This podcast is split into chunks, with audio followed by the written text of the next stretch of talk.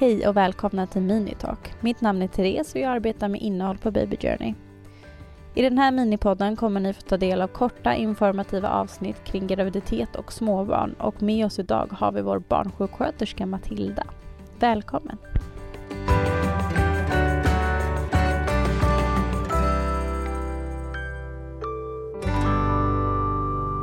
I dagens avsnitt ska vi prata lite kring mat och hur rutinerna kring introduktionen av mat ser ut för små barn.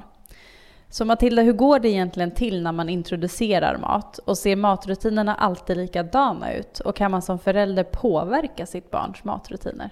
Ja, det är svårt det här med mat hos barn. En del barn tycker att det är superspännande och jätteintressant att testa och smaka och känna och prova.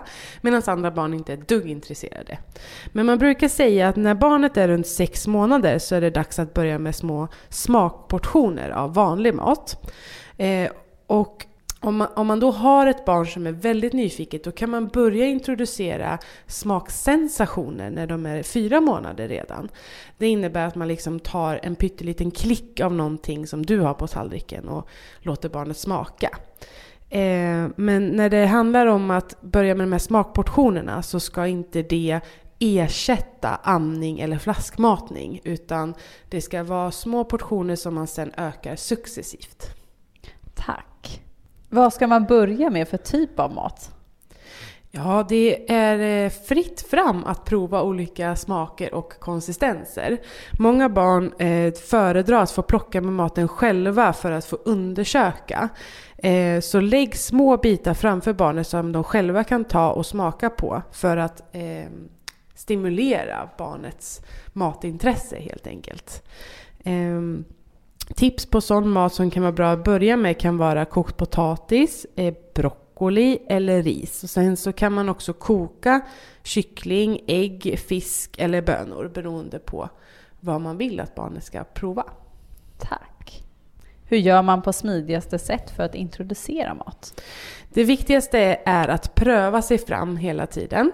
Eh, vad tycker barnet om? Vad tycker barnet inte om? Och tvinga inte fram någonting hos barnet utan försök att bara följa med i barnets takt och vad den är intresserad av.